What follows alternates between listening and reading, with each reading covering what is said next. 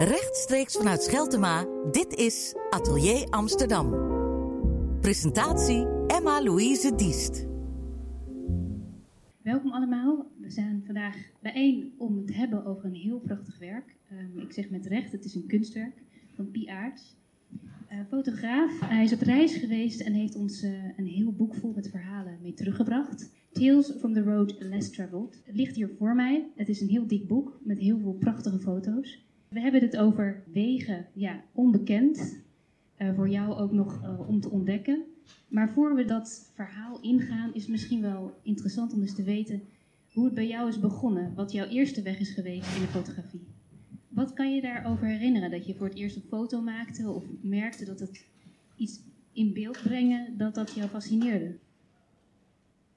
Ik fotografeer zelf al heel lang, dus als we terug moeten gaan naar het begin, dan moeten we echt terug, terug naar rond het jaar 2000. Dus dat is het einde van... Heel lang geleden. Dat is lang geleden. Ja. Dus dat is het einde van de, van de analoge tijdperk, het begin van digitaal. En ik heb ooit een camera van mijn vader cadeau gekregen toen ik een jaar of 15 was. En dat was een Canon EI1. Dus voor de kenners onder ons die wat langer meelopen, waarschijnlijk herkenbaar. En dat was een analoge camera en daar fotografeerden we samen mee. En we ontwikkelden samen foto's in een, dark, in een darkroom bij mijn vader thuis. Maar toen ik op een gegeven moment ging studeren, raakte ik die connectie met die camera vrij snel kwijt. En toen heeft het een tijdje stilgelegen. En eigenlijk toen ik in 2006 uh, op stage ging naar Shanghai, vanuit, uh, ik studeerde toen aan de Hoge Hotelschool, toen heb ik een voor het eerst een digitale camera gekocht. En die ging mee als een soort van, uh, ja, ik, ik, kon daar, inmiddels spreken ze goed Engels in, in China, maar die tijd niet, dus ik kon daar niks lezen, ik kon niet met die mensen communiceren. En die camera die werd een soort van, door die viewfinder kon ik contact, maken met de mensen die ik tegenkwam op die reis. En in, dat, in die periode van zes maanden heb ik door middel van die camera echt een verhaal leren vertellen over een land waar ik eigenlijk niet mee kon communiceren. Dus op die manier is het zeg maar geboren. En uh, dat, op een gegeven moment werd die camera ook een soort van. Het ging heel erg bij me horen naarmate ik verder ging, uh, verder opgroeide in, uh, in mijn leven. En het is nu zeg maar onafscheidelijk aan me verbonden gegaan op die manier. En was het een manier ook om de wereld om je heen te begrijpen? Ja, dat is het denk ik altijd geweest. Het, hoe ik het altijd, vaak ook probeer uit te leggen, is dat het meer een soort van vergrootglas is geworden om naar het leven te kijken. Dus als op het moment dat ik door die camera kijk, dan zie ik andere dingen dan dat ik, als, ik, als, ik hem niet, als ik er niet doorheen kijk. Dus op die manier is het wel, het werkt heel enriching voor mij. Zeg maar. Wat zie je als je niet door de camera kijkt? Als, je, als we een beetje willen inzoomen dan op dat verschil. Want voor jou is dat al heel erg natuurlijk, je weet hoe dat werkt. Maar als jij gewoon om je heen kijkt, wat verandert er in jouw blik? Nou ja, inmiddels is, is, is, is het best wel gelijk geworden. Omdat ik uh, inmiddels nu al een hele lange periode uh, als fotograaf ook werk. Dus als ik op straat loop en ik heb geen camera bij me, dan kijk ik eigenlijk bijna op dezelfde manier. En dan voel ik me vaak ook schuldig dat ik hem niet mee heb, op het moment dat er iets moois gebeurt. Maar ik moet wel zeggen dat de afgelopen jaren ik meer in, uh, uh, in lange termijn doelen ben gaan, gaan denken. En wat minder in het dagelijkse leven fotograferen. Dus dat verandert die dynamiek ook wel een beetje. Maar ja, goed, zoals ik al zei, die camera is zo onafscheidelijk uh, deel geworden van de manier waarop ik in het leven sta. Dat het heel moeilijk is voor te stellen dat ik een lange periode niet zou fotograferen. En, maar toch begon het dus misschien wel in die darkroom samen met jouw vader. Omdat je daar al de eerste stappen zette eigenlijk in dit vak. Um, kan je je daar nog wat van herinneren? Of is dat eigenlijk pas een verhaal geworden later? Dat, nou ja, dat was toen vooral een heel moeilijk chemisch proces wat ik probeerde te begrijpen. Maar ook, het was, als je zo jong bent is het misschien ook niet, niet spannend genoeg, denk ik. Dus ik heb dat vrij snel weer losgelaten. Maar als ik nu, als ik nu bijvoorbeeld kijk naar, als ik nu terugdenk in die periode, uh, heb ik er weinig spijt van dat ik er niet meer mee gedaan heb. Want nu is die liefde voor analoog en voor film, die is nu weer opnieuw aan, aan het ontstaan. Uh, dus ik zou... Je kunt daar dan ook wel heel onbevangen in zijn natuurlijk, als je dan al zo bewust bent. Dat, die bewust, dat bewustzijn komt vaak later. Kan ja. je, dus je kunt het misschien ook, ook wel meer waarderen, omdat je toen zo open was misschien ook wel. Nou ja, ik ben ook wel heel dankbaar dat ik al vanaf een vrij jonge leeftijd in contact ben gekomen met fotografie. Uh, en ook al met storytelling. Dat heeft ook altijd wel in me gezeten. Ik hou erg, heel erg van het vertellen van verhaal. Niet alleen in uh, beeld, maar ook in woord. dus ik ben heel dankbaar dat ik die kans gekregen heb om nou jong mee te beginnen. En dan ben je op een gegeven moment ontdek je dat, die passie dus weer. Dus herontdek je dat eigenlijk. Maar de stap naar het buitenland en dit enorme, enorme werk wat je dan uiteindelijk gaat maken, die is natuurlijk ook wel best wel groot. Kan je vertellen hoe dat is gegaan? Hoe ben je op een gegeven moment, uh, heb je die stap durven zetten? Ja, dat is een heel lang, een heel lang complex proces geweest. Als mensen me ook vragen, heb je een tip voor me? Omdat ik zelf met vergelijkbare issues zit. En is mijn tip ook altijd, probeer zo lang mogelijk uh, een leven. Kijk, het is, is, dit creatieve leven als fotograaf is, heeft ups en downs en is niet makkelijk, zeg maar. Eh, we leven in een, in een tijdperk waarin er echt een content overkill is. Dus het is heel moeilijk om met kop en schouders boven de rest uit te steken als iedereen eigenlijk een camera op zak heeft. Want in die tijd leven we. Dus ik denk dat je. Het is een hele moeilijke competitieve industrie. En dat besefte ik van tevoren ook wel. Dus ik heb altijd gekozen voor de route waarin ik eh, een andere baan heb gezocht die de rekeningen betaalt. En daarnaast heb ik heel rustig die fotografiedroom weten te bouwen. En dat heeft wel een jaar of tien geduurd. Dus als mensen mijn advies vragen, dan geef ik ook altijd als tip: uh, bouw het rustig op en maak niet meteen die transitie van A naar B. Die is heel hard en die kan, heel, en die kan ook voor zorgen dat die droom meteen in elkaar stort. Want het is, het is, geen, makkelijk, het is geen makkelijk beroep uh, uh, anno 2019. Maar als, je, als ik het zo hoor, spanning is belangrijk voor je. Dus iets makkelijks aanpakken, dat is niet voor jou. Nee, ja, ja ik, ik, hou heel erg van avontuur. En dat is misschien ook wel een grotere drijfveer voor me dan het vastleggen van, van beeld. Uh, dus dit boek is ook echt geboren in die adventurous spirit. Om op, op, op reis te gaan, op, om het avontuur op te zoeken. Uh, dus ik zou nooit kiezen voor, de, voor een wat gebruikelijkere route, zeg maar. Het is, het is echt een, een, een geweest met vallen en opstaan de afgelopen jaren. En, en daar is dit, dit, boek nu het resultaat van. En het zal nog een tijdje zo doorgaan in, in die structuur. Dus en dat is prima. Maar dan, uh, je zegt ook, ja, je moet even, als ik een tip kan geven, bouw het rustig op. En dat heb je ook gedaan. Je, bent, uh, je hebt eerst gewoon gewerkt bij een bedrijf. Maar dan op een gegeven moment komt dan het moment dat je denkt, ja, hoe lang ga ik het er nog bij doen en wanneer ga ik die stap zetten? Hoe is dat gegaan uiteindelijk? Hoe heb je uiteindelijk dat ticket, dat eerste ticket gekocht en gedacht, ik, ga, ik laat het los wat ik hier heb en ik kijk wat er te halen valt ergens anders? Nou ja, Kijk, op een gegeven moment, uh, als je twee carrières naast elkaar probeert vol te houden, dan gaat er op een gegeven moment een moment komen dat je een, dat je een keuze moet maken. En die keuze die heb ik in 2017 moeten maken, omdat ik het gewoon niet meer, ik kon aantal, het aantal uren niet meer bijbenen op twee verschillende platforms, zeg maar. Eén, enerzijds had ik een corporate baan en die, die, vergt ook dat je aanwezig bent en hard je best doet. En anderzijds probeerde ik een carrière te bouwen en allebei tegelijk was gewoon heel moeilijk. En op een gegeven moment heb ik de keuze gemaakt in 2017, ik ga gewoon head first erin en we kijken wel wat er gebeurt. En eigenlijk op het moment dat ik die keuze begon te maken, toen kwam het aanbod vanuit uh, Mendo, en er zitten ook een aantal mensen van in de zaal, waar ik het boek samen mee gemaakt heb, om eens na te denken over een eigen boek. En dat was een soort van, alsof het in, in, de sterren stond geschreven, zeg maar, kwam dat precies het moment dat ik eigenlijk op het punt stond om in het diepe te springen. En dat heeft die afgelopen 2,5 jaar wel een stuk uh, ja, versneld en dynamischer gemaakt, omdat er opeens een kans voorbij kwam om een boek uit, uit te brengen. Dus ik denk ook wat heel belangrijk is als het gaat over uh, zo'n grote aanpassing in je leven, dan moet je ook durven te vertrouwen op dat het goed komt, zeg maar. En dat, dat heb ik nooit, eigenlijk nooit echt geleerd. En de eerste keer uh, dat ik nu in het diepe spring, gaat het goed. Dus dat, dat zorgt dan ook dat je daar vertrouwen... Ik snap dat het heel moeilijk kan zijn om te vertrouwen dat dingen goed komen als de verandering zo groot is. Want ik ging van een heel... Uh, ik stapte echt uit mijn comfortzone en ik ging van een heel zeker financieel en sociaal leven naar een heel onzeker leven op beide, op beide vlakken. En uiteindelijk is het wel goed gekomen. Ja, ik denk dat het een kwestie is van durven doen. En als je jong bent en je, je hebt de kans, dan, ja, dan, dan moet je hem ook grijpen, denk ik. En nu zit je hier lekker achterover geleund met een heel mooi werk in ons midden. Maar ik neem aan dat als je die stap hebt gezet, dat het ook wel angst geeft. En dat je ook wel momenten hebt gedacht, waar ben ik in godsnaam aan begonnen? Ja, nog steeds elke dag. Ja, oké, okay, nee. Ja. Fijn, fijne geruststelling. Nee, maar als je dan die stap hebt gezet en je bent echt ergens anders en je gaat uh, aan het werk, want het is ook gewoon heel pragmatisch. Je moet ook gewoon werken. Mm -hmm. Hoe voelde dat? Kan je dat omschrijven? Nou ja, kijk, ik, in, die, in die jaren dat ik uh, nog bij Albert, ik heb bij Albert Heijn gewerkt uh, op het hoofdkantoor, maar in die jaren dat ik daar werkte, had ik heel erg het gevoel dat ik niet in controle was over hoe ik mijn tijd besteedde, maar wel mijn geld. En ik wilde op, opnieuw in controle raken over hoe ik, mijn tijd, hoe ik mijn tijd kon besteden.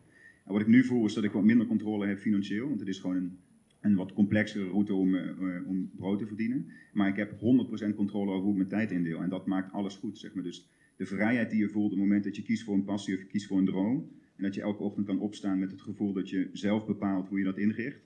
Dat is nu meer waard en dat had ik van tevoren ook onderschat. En dat is ook de reden waarom ik, denk ik, de keuze zo heb uitgesteld om het niet eerder te doen. Dat heel veel mensen in mijn omgeving hebben me ook aanbevolen om het eerder te doen. Sommige mensen juist niet, maar sommige mensen wel. Maar de vrijheid die dus ontstaat, dat is heel veel waard. En dat, dat, daar profiteer ik nu elke dag van. En ja, goed, dat, kan ik iedereen aanbevelen. En je zegt al iets essentieels, denk ik. Um, je hebt het over controle. Ja. En uh, ergens had je dus te weinig controle. Maar ik denk als je van je gaat van een één systeem naar het andere, denk ik. Als je in een andere uh, cultuur stapt, dan heb je dus aan de ene kant uh, krijg je meer controle over de tijd, bijvoorbeeld. Want er is misschien veel meer tijd, of dat heeft een andere waarde. Maar aan de andere kant misschien veel minder, want wat er op je afkomt, dat ken je niet. Hoe was dat voor jou? Als je ineens in een andere cultuur stapt, je ziet ook een ander beeld. Uh, hoe kan je daar dan grip op krijgen om daar dan iets mee te doen? Uh, ja, goede vraag. Er zitten wel wat, uh, wat andere culturen in, de, in dit boek, inderdaad. Uh, ik denk wat heel belangrijk is in het begrijpen van andere culturen, is dat je je huiswerk doet thuis. En wat wij voor dit boek gedaan hebben, dus op een gegeven moment kregen we vanuit Mendo de vraag of we dit wilden. En toen kwam er ook een soort van timing in beeld. En toen zei Jessica, mijn vriendin en ik, zijn gaan nadenken over, zij heeft de tekst gedaan voor het boek, ik weet niet of ze hier is. Oh ja, uh, zij, heeft de tekst, ze heeft de tekst gedaan voor het hele boek. Dus op een gegeven moment zijn we samen gaan kijken waar willen we heen. Je maakt je een soort van blueprint. En welke continenten, welke landen, welke verhalen willen we daar vertellen. Wat is de boodschap van het boek. En toen zijn we een soort van ons huiswerk thuis gaan doen. En toen kwam ik al vrij, snel achter uh, dat er een aantal gebieden zijn waar ik heel graag naartoe zou willen. Maar dat die qua cultuur en verlies, verlies van cultuur zo complex zijn. En je wil daar een uniek verhaal, een echt verhaal over vertellen. Dat het wel wat voorwerk vergt, zeg maar dat ik enigszins, onderschat, dat journalistieke voorwerk. Ik wist wel dat het wat huiswerk voor nodig was, maar dat het uiteindelijk misschien anderhalf jaar zou duren om bepaalde verhaallijnen te begrijpen voordat je op locatie bent. Dat had ik zelf onderschat. Dus er zitten een paar verhalen in het boek. Ze zijn in Patagonië geweest bij een gaucho-familie en we zijn in Oeganda geweest om een ranger te volgen. En dat zijn wel verhalen die echt een jaar tot anderhalf jaar voorbereiding thuis vergen. Om... Je denkt echt dat je kan dat alleen begrijpen als je thuis eigenlijk... Ja, niet alleen, maar het, het maakt het voor mij makkelijker. En, ja, was dat belangrijk. Ja, ja. en ik, ik, ja, ik, uiteindelijk uh, is het creëren van zo'n verhaal, dat is eigenlijk de laatste stap in, uh, in het hele proces. En hoe ik vroeger meer fotografeerde, is, het, is zonder die voorbereiding op pad gaan en kijken wat je tegenkomt. En in dit boek zitten wel meerdere narratives die wel van tevoren bedacht zijn. En dan is het fotograferen van het verhaal is uiteindelijk de laatste stop op die route. En dat betekent dat je, uh, kijk, je, je, gaat naar hele complexe, uh, fragiele omgevingen waar, waar cultuur op uitsterven staat. Zo zijn we Korowai geweest in Papua. Dat zijn, daar wordt gezegd dat binnen nu en vijf tot tien jaar is dat volledig verdwenen. Dus je moet daar wel van tevoren over nadenken hoe je daar naartoe gaat, wat je daar gaat, wat je, wat je komt brengen, niet alleen wat je komt halen. Maar was je dan niet bang dat je al met een verhaal er naartoe zou gaan en dan niet meer open zou staan voor het verhaal wat zich zou presenteren ja, aan je? Dat, dat, is het, dat is het gevaar, maar ik denk wel dat, uh, dat je uiteindelijk je moet ook, als je op, het moment dat, op het moment dat je op een locatie binnenkomt, moet je ook heel erg openstellen voor wat er gebeurt. En eigenlijk die hele voorbereiding even vergeten. Dat is moeilijk. Uh, maar om die eerste paar dagen in zo'n flow mee te gaan, dan kun je vervolgens wat je vanuit thuis weet, kun je dan projecteren op wat er lokaal gebeurt. Kijk, en als je naar zo'n verhaal in Patagonië kijkt, zo'n familie die, die zich openstelt en ons tien dagen in hun huis op laat slaan. Wij sliepen letterlijk in de bedroom, de, uh, de boys bedroom zeg maar, van vroeger, van de, uh, die jongen die nu mijn leeftijd is, Victor. En uh, die familie die heeft ons heel warm ontvangen, maar dat heeft alleen maar ermee te maken dat we een jaar lang met elkaar gesproken hebben en die relatie opgebouwd hebben vanuit Nederland en naar, naar Chili toe. En uiteindelijk word je dan, is, dan is er nog steeds de vraag als je dan binnenkomt of je ontvangen wordt op de manier waarop je verwacht dat je ontvangen wordt. En uh, nu was het in Patagonië heel warm, maar in een verhaal in Oeganda bijvoorbeeld, daar was er maar de vraag of het, of het überhaupt allemaal bestond wat we bedacht hadden en of het kan, zeg maar. Of het... En bestond het? En het, ja, het bestond. Het, het, verhaal wat we over Albert gemaakt hebben in Oeganda, uh, dat heeft, dat, daar hadden we zoveel handtekeningen van nodig en zoveel autorisaties en zoveel Afrikaanse bureaucratie, dat je op een gegeven moment zelf het vertrouwen verliest of het nog mogelijk, mogelijk is. En uiteindelijk kom je op locatie en dan, dan lukt het en dan, dan ontstaat het verhaal uiteindelijk ook en dan is iedereen blij. Ja, je gaat er heel snel overheen, maar dan lukt het. Wat lukt er dan precies? Nou ja, dan lukt, wat, wat, wat, we met het boek heel graag wilden doen, is om wat grotere, complexe uh, 2019 problematiek aan de kaak te stellen door hele persoonlijke angles. Dus om bijvoorbeeld te kijken naar, uh, naar klimaatcrisis door een familie in India uh, te volgen een tijdje en hun verhaal te vertellen. Of om te kijken naar het probleem dat we wildlife verliezen in Oeganda door de angle vanuit, een, vanuit één persoon die vecht voor behoud van wildlife. En als het dan, dan, dan zo'n soort boek begin je in je hoofd dan vorm te geven. En uiteindelijk, als, het dan, en als je me dan vraagt, dan lukt het. Dan, wat ik daarmee bedoel, is dat er dan een soort van verhaal ontstaat. wat eenzelfde indruk kan hebben op een groter publiek als dat het op mezelf heeft. En dit zijn, als je bijvoorbeeld na tien dagen lang uh, in, de, in Oeganda in de bush zo'n ranger gevolgd hebt. en je voelt echt die emotie van zo'n transitie in zijn leven. en waar hij voor staat en waar hij voor vecht en wat voor mens hij is. Ja, dat raakt mij elke keer weer opnieuw. En wat ik probeer te doen met dit boek is om dat, die emotionele connectie mee te geven aan een groter publiek. Dus om uh, een podium te creëren voor mensen die eigenlijk zelf geen podium kunnen creëren, maar die het wel verdienen. En had je dat al bedacht dat je dat wilde gaan doen, dat dat jouw rol zou zijn in dit proces? Of heb je dat gevoeld Eh. op dat moment? Nou ja, ook zoiets ontstaat door de tijd, denk ik. Eh, ik heb altijd wel in de afgelopen vijf, zes jaar de verantwoordelijkheid gevoeld om hier iets mee te doen. Eh, je hebt de gave om verhalen te vertellen in beeld. En het is altijd een droom geweest om daar een groter publiek mee te bereiken. Maar niet zozeer omdat ik zelf zo'n groot publiek wil bereiken, maar omdat ik iets wil doen voor de mensen die echt waar we iets van kunnen leren. Een hele grote verantwoordelijkheid die je zelf oplegt. Ja, maar ik denk dat je eh, daar ook op een hele luchtige manier mee om kan gaan. En aan de ene kant is het de verantwoordelijkheid die je zelf geeft, aan de andere kant geef je jezelf heel veel macht natuurlijk. Want als jij degene bent, de aangewezen persoon bent om het verhaal te vertellen, dan heb je wel het besef dat je dat kan en dat je dat in je hebt. Wat voor eigenschappen heb jij specifiek waardoor je dat kan? Eh, ja, goede vraag. Even over nadenken. Mag. Nou ja, ik denk, eh, het wordt een soort van eh, zo'n one-man show, om mezelf complimenten te geven, maar daar hou ik eigenlijk Het helemaal zijn niet niet per van. se complimenten, het is ook Nee, ik snap, ik snap, werkt, ja. ja. ik snap waar, je, waar je naartoe wil. Ja, ik denk dat ik wel eh, goed kan communiceren met mensen door die, door, doordat ik een camera aan de handen heb. En dat mensen zich comfortabel voelen op het moment dat, ze, dat we samen proberen iets te creëren. En ik, ik denk dat, kijk, fotografie, dat bestaat van mijn gevoel ongeveer zo voor 10% uit licht en voor 20% uit eh, technische skills en voor de overige procent, zeg maar zo'n procent of 60, 70, uit people skills. En dat vergeten mensen vaak, eh, dat het helemaal niet zo belangrijk is wat voor camera je werkt en hoeveel geld je in een reis investeert of hoe goed je begrijpt hoe een camera überhaupt werkt. Eh, maar dat het heel erg gaat om hoe je contact met, mensen legt. En kijk, een goede foto ontstaat uit, niet zozeer uit een goed eh, onderwerp en een goede fotograaf, maar meer uit de relatie tussen die twee. En het moment dat jij heel erg in staat bent om die relatie te bouwen, op voorhand, maar ook op het moment dat je daadwerkelijk fotografeert in stand te, te houden, dan ontstaat er eh, een magisch beeld met een bepaalde emotionele waarde. En, dus ik denk dat, dat ik dat de afgelopen jaren eh, geleerd heb eh, en daar die, misschien wel mee geboren ben. Ik weet niet precies hoe dat werkt.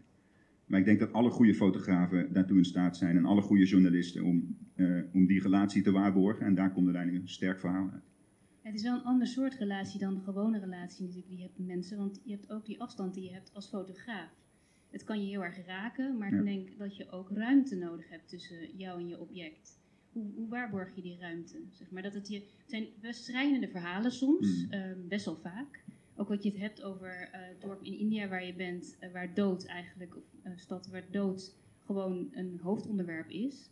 Dat kan je zo aangrijpen dat eh, de mogelijkheid om daar beeld van te maken, dat, dat, dat, die, dat die niet meer bestaat. Hoe zorg je ervoor dat je die ruimte waarborgt tussen jou en wat je ziet? Ja, je hebt denk ik verschillende soorten ruimte. Eh, misschien eerst de fysieke ruimte even eh, eh, ingaan. Kijk, als je, er zijn heel veel verschillende manieren van zo'n eh, zo'n locatie binnenkomen als, als fotograaf of als storyteller. En sommige mensen kiezen ervoor om dat heel erg eh, in your face met een camera en direct eh, to the point. Maar andere mensen kiezen ervoor om eerst te observeren en een beetje van als fly on the wall te werk te gaan en pas op het einde die camera te pakken. Dus het zijn verschillende manieren om die fysieke ruimte te bewaren. En je kunt best wel goed inschatten als mens als je zo'n situatie binnenkomt, een dorp, een stad of een huis van iemand of een whatever setting. Eh, wat, ze, wat het gevoel is, zeg maar, in de ruimte. En hoe mensen zich, eh, of mensen het vervelend vinden dat je een camera mee hebt, of juist niet. Of, het verschilt heel erg per, per, cultuur, per cultuur, per bestemming. Mijn manier is wel vaak om eerst een beetje de kat uit de boom te kijken.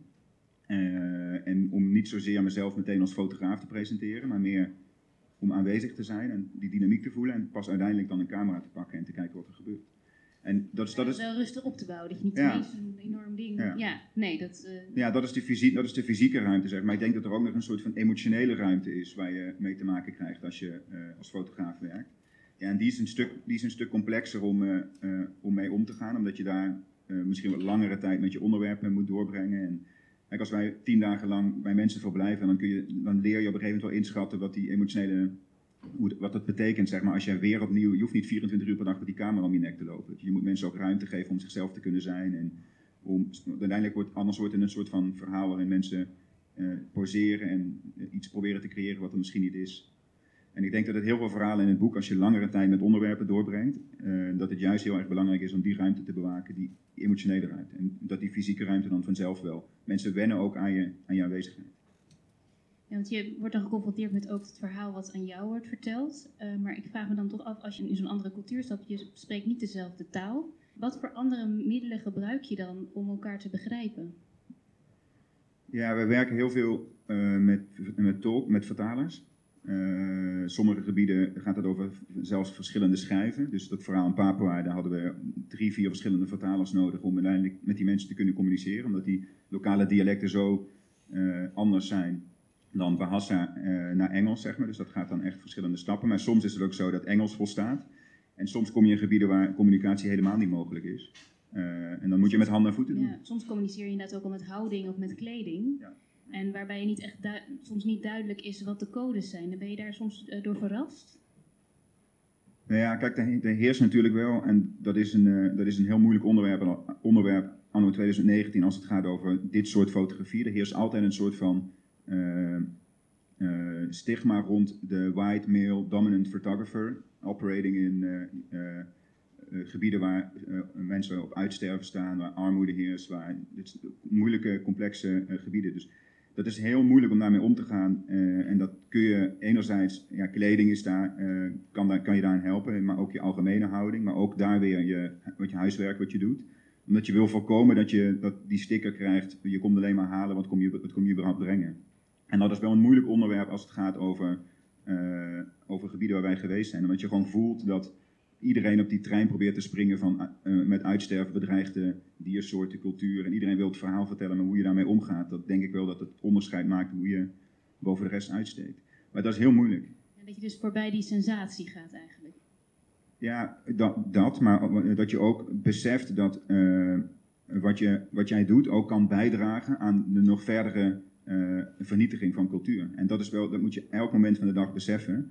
Kijk, het, is een, het is een heel grijs gebied tussen uh, een verhaal vertellen en daar een groot uh, publiek mee bereiken en daarmee awareness creëren op het uitsterven van een bepaalde diersoort of een cultuur of een natuurgebied. Maar op datzelfde moment stuur je er eigenlijk ook mensen, heen, mensen naartoe.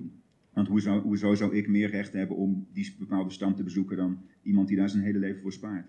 Nou, dus het is een heel grijs gebied en dat is, het zijn wel onderwerpen waar ik echt van wakker kan liggen. Omdat je uh, gewoon ziet, kijk als je naar bepaalde gebieden gaat, uh, en er zijn heel veel mensen die mij online volgen, maar dit boek bereikt ook heel veel mensen. En dagelijks bereik ik mensen die uiteindelijk misschien ook naar die gebieden willen gaan. Dus het is, maar, maar van de andere kant zorg je ook voor awareness op het onderwerp, wat misschien anders nooit aangesneden was geworden voor die mensen, snap je?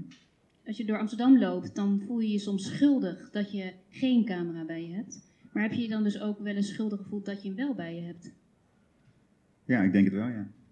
ja. En hoe ga je daar dan mee om? Hoe zorg je ervoor dat dat dan niet de overhand krijgt?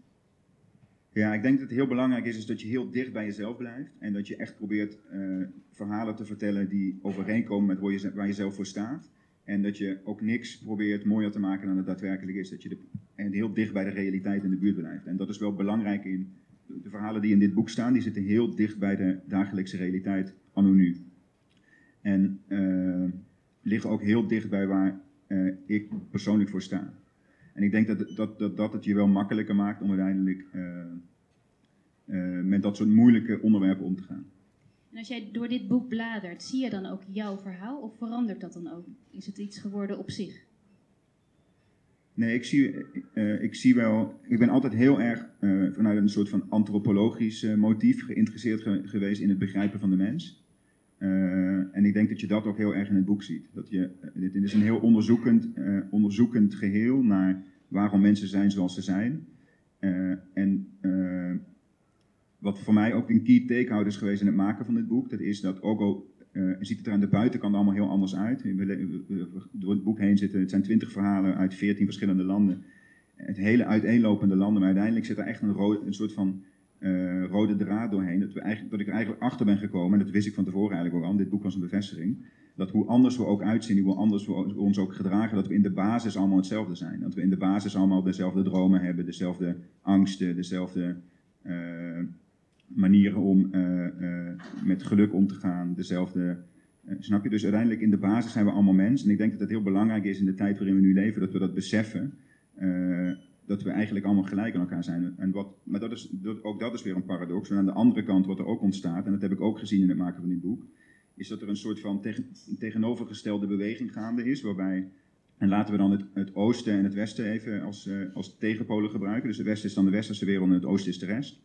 En dan zie je dat in het eh, Westen mensen toch steeds vaker bewegingen maken zijn naar het Oosten. Dus dan heb je het over be bewustzijnsverandering. Uh, niet, niet, alleen yoga en meditatie, maar een grotere bewustzijnsverandering. Die toch meer teruggaat naar de connectie met de natuur. En dat is wel iets wat in het Oosten nog heel erg zichtbaar is. Uh, terwijl in het Oosten mensen zich juist heel erg blind staren op die westerse idealen van vroeger de American Dream. En dat wordt nu langzaam een soort van Western Dream, waarin het belangrijk is dat je geld hebt om te studeren, je een iPhone kunt kopen, uh, uh, Nike's kunt dragen, in het Westen een carrière en status kan opbouwen. En dat mensen in het Oosten staren zich daar steeds vaker blind op, terwijl ze niet beseffen wat ze zelf in hun handen hebben. Dus die paradox, die tegenovergestelde beweging, dat is wel iets wat me heel erg veel angst inboezemt. Dat je wel ziet dat je zou ook kunnen denken, die verhalen komen steeds dichter bij elkaar te staan. Dus dat ja, maar, maar dat, zouden komen. Ja, en dat is dus weer, dat staat, dat staat aan haaks op wat ik zojuist vertelde, dat ik vind dat we moeten beseffen dat we allemaal gelijk zijn. Maar wat er nu gebeurt is dat ik heel erg zie dat de wereld één grote grijze massa wordt van dezelfde individuen met dezelfde idealen en dezelfde manier van naar het leven kijken. En dat is wel gevaarlijk, want die diversiteit is denk ik juist wat, wat de aarde uh, uh, zo, zo interessant maakt als geheel niet alleen cultureel, maar ook op natuur en ook op, uh, uh, op wildlife. En meer, dus het is, ja, misschien is het wel zo dat we over x aantal jaar terugkijken en waar hebben we ons zorgen over gemaakt. Ik zie het niet zo snel gebeuren. Maar, uh, maar dit is wel, ik vind het echt beangstigend om dit mee te maken. Dat overal waar je naartoe gaat, zie je dezelfde trend, trendontwikkeling. Dat, dat klinkt bijna um, heel, ja, heel eindig ook en bijna heel somber. maar heeft het je dan ook somber gemaakt, de beelden die je hebt gezien? Ja, het is, uh, ja, kijk, wat wij geprobeerd hebben is, uh, je kunt tegenwoordig de krant niet meer openslaan s ochtends en je wordt gewoon bijna s ochtends al voordat je überhaupt je eerste koffie drinkt, ben je depressief omdat je niet zoveel klimaat en destructie naar je hoofd gegooid krijgt in de media. Dus wat wij proberen ook met dit, met dit boek en waar ik zelf ook als mens heel veel behoefte aan heb gekregen, je, je merkt op een gegeven moment dat je een soort van immuun wordt voor al dat klimaatnieuws en al dat slechte nieuws over de veranderende planeet. Uh, en dat je heel veel behoefte hebt aan, is er ook hoop, is er ook, uh, is er ook iets positiefs. En wat wij proberen met dit boek is om die zware thema's wel vanuit een hoopvol uh, perspectief te bekijken. En daar wel iets van een, een, positieve draai aan te geven. En ik denk dat dat heel belangrijk is, want dat is gewoon die hele discussie over het klimaat en over onderwerpen die we in dit boek behandelen, is te negatief geworden. Maar ook met een reden, want het is nodig. Uh, maar je merkt heel erg, en ik trap me daar zelf op, en ook als ik daar met vrienden over, over spreek of met familie, dan merk je dat mensen het gewoon beu zijn om de hele tijd maar daar, daarmee geconfronteerd te worden. Ik weet niet of iedereen in de zaal dan een beetje herkent. Uh, dus ik denk dat het heel, dit is heel moeilijk om daar een positieve draai aan te geven, want er is gewoon heel weinig positiefs over te melden, maar toch hebben we dat met dit boek geprobeerd. Ja, want je zei eigenlijk, ik heb me wat vastgehouden aan een wat groter verhaal met dit werk. Maar eigenlijk wat je nu vertelt, is dat we juist die positiviteit eigenlijk weer vinden in kleine verhalen. Dus als we inzoomen ja, kijk, op de mensen. Ja, misschien een voorbeeld daarvan. Kijk, dit is, uh, ik blijf heel even hier staan als je het niet erg vindt. Dit is een heel goed voorbeeld van uh, hoe hele kleine persoonlijke verhalen uh, hoop kunnen geven. Dit is Albert en Albert is 52 en woont in Oeganda, op de grens met Congo. En hij heeft de eerste 26 jaar van zijn leven, heeft hij, of de eerste 26, hij heeft ongeveer 16 jaar als stroper gewerkt commercial poaching. Dus hij, hij schoot dieren dood om het vlees te verkopen, omdat hij negen kinderen heeft die hij moet voeden. En zijn broer is overleden en die heeft ook vijf, dus dat rond de 15 monden te voeden. Dus het is een hele complexe Afrikaanse problematiek, waarin je niet kunt zeggen, is het goed of fout dat hij dit doet. En deze man moet overleven. Na heel lang zoek hebben wij deze man gevonden. En wat hij op een gegeven moment gedaan heeft, in, uh, op zijn 26e is hij opgepakt, is hij gearresteerd voor, uh, uh, voor het poachen van ivoor. En toen heeft hij de kans gekregen om zijn leven om te gooien en om uh, ranger te worden. En vervolgens heeft hij 25 jaar lang als ranger al die poot, die, die, hij kent de routes van iedereen, dus hij is zijn voormalige vrienden is hij gaan oppakken in datzelfde park. Dus wat je ziet is dat zijn hele familie, ongeveer een mannetje 25, die moesten gerelocate worden naar de andere kant van het land, omdat die gewoon niet meer veilig werden, want uh, hij is een verrader. Maar die heeft wel in zijn leven dus die transitie durven te maken. Die, heeft die keuze durven te maken om in een hele ander leven te stappen. Met alle gevolgen. En uh, dit verhaal wat we gemaakt hebben gaat heel erg over die, over die, uh, die uh, dynamiek die komt kijken als je zo'n keuze durft te maken in zo'n complexe, gevaarlijke omgeving. En 26 jaar geleden Oeganda, dan hebben we het over Idi Amin. Dan hebben we het over LRA, dus een van de gevaarlijkste gebieden van Afrika, misschien wel op de hele wereld. En toch maakt zo iemand dan die keuze. En ik denk dat dit soort verhalen wel hoop geven als het gaat over wat je zelf kunt doen in je eigen leven om, uh, om de wereld een betere plek voor onze kinderen te maken. En dit verhaal heb je in beeld proberen te brengen. We kijken nu naar een aantal foto's daarvan. Je zegt, ik wilde, uh, je hebt het over dynamiek. Hoe zorg je ervoor dat die dynamiek dan duidelijk wordt? Hoe beslis je dan, dit is de foto die ik maak? Is dat heel gevoelsmatig? Of Nee, ja, ik denk, kijk, de twee belangrijkste variabelen als het gaat over het maken van dit verhaal is één, tijd en twee, toegang. Dus je moet voor jezelf moet je toegang creëren tot het leven van dit soort mensen. En ook toegang creëren om dit soort mensen te kunnen volgen in het, veld, in het veld en om echt met deze mensen iets op te bouwen. Dus dat is één. En twee is gewoon tijd. En het liefst was ik er een maand gebleven, dan was het verhaal nog beter geweest. Maar dat laat de financiën vaak niet toe. Dus je moet er dan, we hebben het in tien dagen gedaan. Maar dat zijn echt de twee belangrijkste onderdelen van zo'n verhaal. En dan uh, in, in het veld komt dan nog anticipatie. Je moet kunnen, in het Engels heet het dan anticipation. Normaal doe, vertel ik dit soort dingen in het Engels. Maar anticipatie is dan een Nederlands woord? Geen idee. Bij deze. Oké. Maar dus op, dus op de grond moet je gewoon gaan anticiperen op wat er gaat gebeuren. En dan, en, maar dat is meer de technische kant van het maken van zo'n verhaal. Maar uh, tijd en toegang, dat zijn de twee belangrijkste uh, dingen die je vanuit thuis kunt voorbereiden. Heeft het je verbaasd hoe vaak je die toegang hebt gekregen van mensen? Ja, ik denk dat dat ook wel zichtbaar is in het boek. En dat staat ook heel duidelijk in het dankwoord wat ik geschreven heb. Dat dit boek is opgedragen aan de mensen die bereid zijn geweest om hun levens te openen voor dit boek. En dat, dat, is wel iets wat ik, wat ik zelf heel bijzonder vind. Kijk, dit is, dit is het verhaal wat ik zojuist vertelde over Victor in Patagonië. En dat zo'n mensen zeg maar, hun leven openstellen en jou als fotograaf binnen, binnen, binnenlaten in een cultuur, die gaucho-cultuur, die eigenlijk aan elkaar hangt van illegaliteit. dus deze mensen willen eigenlijk helemaal niet gedocumenteerd worden, maar toch voelen ze dat het nodig is om hun verhaal te vertellen. En geven ze jou dan een soort van platform om, uh, om, een, om een verhaal te creëren. Dat, dat vind ik heel bijzonder. En dat verrast me ook elke keer weer waar je ook naartoe gaat. Of je nou een verhaal maakt in Purmerend of in Patagonië. Het is toch elke keer weer bijzonder om als fotograaf ontvangen te worden. En uh, iedereen hun levens gewoon op tafel legt. Je stapt echt een leven binnen van mensen die ook heel erg in het moment leven. Ze ja. leven ook vaak om gewoon te overleven. Ja. Het werk wat jij maakt heeft vaak een resultaat veel maanden later. Nu hebben we het hier voor ons, maar op dat moment ben je niet op reis met een dik boek. Hoe laat je zien wat je doet aan mensen? Ja, in 2019 is het denk ik heel belangrijk om online uh, goed na te denken over wat je online identiteit is. Uh, en ik ben altijd de afgelopen jaren een communitybouwer geweest. Ik heb die, die community uh, values altijd heel hoog in het vaandel gehad. En dat doe ik nog steeds elke dag. Dus ik betrek mensen die mijn werk volgen heel erg in waar, waarom ik dingen doe. En ik ben heel transparant en eerlijk over waar ik tegenaan loop in het leven, maar ook in mijn werk als fotograaf. En ik denk dat, dat het bouwen van zo'n online identiteit bijna net zo belangrijk is tegenwoordig als je offline identiteit. Maar ja, in het geval van bijvoorbeeld deze heer, ja. Nelius heet hij volgens mij. Ja. ja. hij heeft denk ik geen Instagram-account. Nee, dus dan heb je met je social media imperium nee. niet zoveel, daar kun, je niet, kun je weinig mee. Hoe zorg je ervoor dat hij begrijpt, of is dat niet, het kan ook niet belangrijk zijn natuurlijk, Hmm. hè? Maar kan je hem laten zien wat je doet? Ja, ik heb die filmpjes nu niet paraat, dat is wel jammer. Als ik weet dat het deze vraag ging komen, had ik ze voorbereid.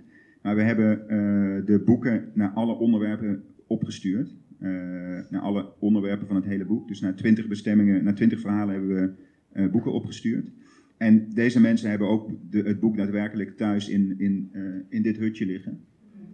Uh, in de boekenkast, ja. Ja, dat is wel een ander plekje hebben gekregen. Ja, ik heb, daar, ik heb daar beeldmateriaal van ontvangen, want ik heb daar echt op gehamerd dat ik dat wilde hebben. En er zijn echt mensen voor speciaal daar naartoe gegaan om dat, om dat op te halen. En Vooral voor hem, want hij staat op de voorkant. Ja, en je ziet, ik kan hem misschien wel even zoeken op mijn laptop zo, maar je ziet dat deze mensen het conceptboek ook helemaal niet begrijpen. Dus kijk, het is, uh, er zijn nog maar heel weinig gebieden op aarde waar, uh, die zo primair nog zijn. En dat in de positieve zin van het woord bedoel ik dat. Uh, waarbij dus het idee van een boek en op de koffer staan van een boek, dat dat niet begrepen wordt. Dus je ziet heel erg een hele, het is een hele awkward situatie waarin deze mensen dit boek overhandig krijgen en niet precies weten hoe ze daarop moeten reageren. Bijna kinderlijke reactie Ja, het je is heel, jezelf ja, in de spiegel ziet. Ja, Ja, het is heel kinderlijk en ja, het is ook wel grappig om naar te kijken, omdat ik die mensen heel goed ken. En ik snap, heel, ik snap die dynamiek, we zijn heel lang bij die mensen geweest en ik, ik weet ook dat ze uh, andere kwaliteiten hebben waar wij heel veel van kunnen leren. Dus het is niet zo dat, het, dat ik het kinderlijk vind. Van, Nou, je? misschien vergelijkbaar met jouw reactie van de, situatie waar je in belandde. Ja, ja het is, het is uh, maar als je dan bijvoorbeeld kijkt, het boek is ook naar Oeganda gegaan. Uh, en daar zie je dan een hele andere reactie. Dus er zijn maar weinig gebieden waar dit nog echt zo, zo primair is hoor. Maar, maar wat, ik echt probeer is om, en uh, met alle onderwerpen in het boek heb ik ook nog regelmatig contact. Dus je zou het bijna niet geloven, maar deze man sms't wel. Niet via het internet, maar één keer in de vier weken is hij in een dorp waar hij af en toe kan sms'en.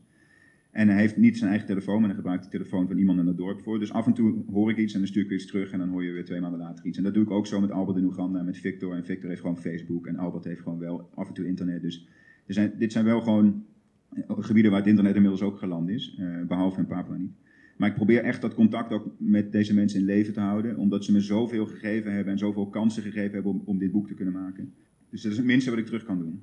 Ja, het is wel bijzonder. Je zegt, ik heb het, dit boek is opgestuurd naar twintig uh, verhalen, zeg je. Ja, naar ongeveer tien verschillende landen. Oh, ja. ja, dus, ja. Maar je hebt het opgestuurd naar verhalen, zeg je. Je stuurt het naar mensen die voor jou een verhaal zijn geworden. Ja.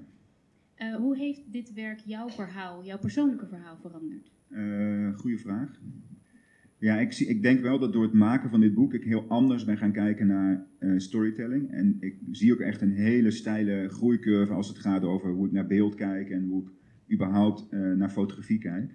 Dus het is voor mij, het allerbelangrijkste is dit boek zo'n groot leerproces is geweest in, in, mezelf te verbeteren als fotograaf, maar ook als mens. En ik denk dat dat het meest zichtbare verschil is nu versus hoe ik in 2017 voor het maken van dit boek hier had gezeten, zeg maar. Dus ik ben er en dat klinkt heel cheesy, maar misschien moet het dat ook klinken, dat weet ik niet. Maar ik ben er echt door het maken van dit boek echt een beter mens geworden.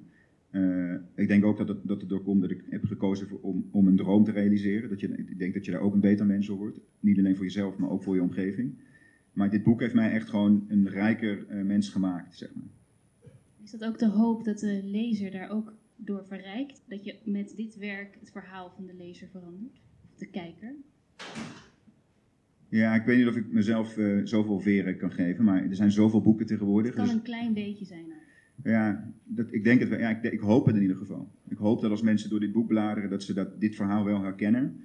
En uh, daarom vind ik het ook leuk om op dit soort momenten de persoonlijke achtergrond een beetje uit te leggen. Dat geeft denk ik ook nog meer begrip naar waarom zo'n boek ontstaat en waarom we juist deze mensen hebben gezocht. Dus ik hoop dat het op dezelfde manier mensen raakt als het mij geraakt heeft.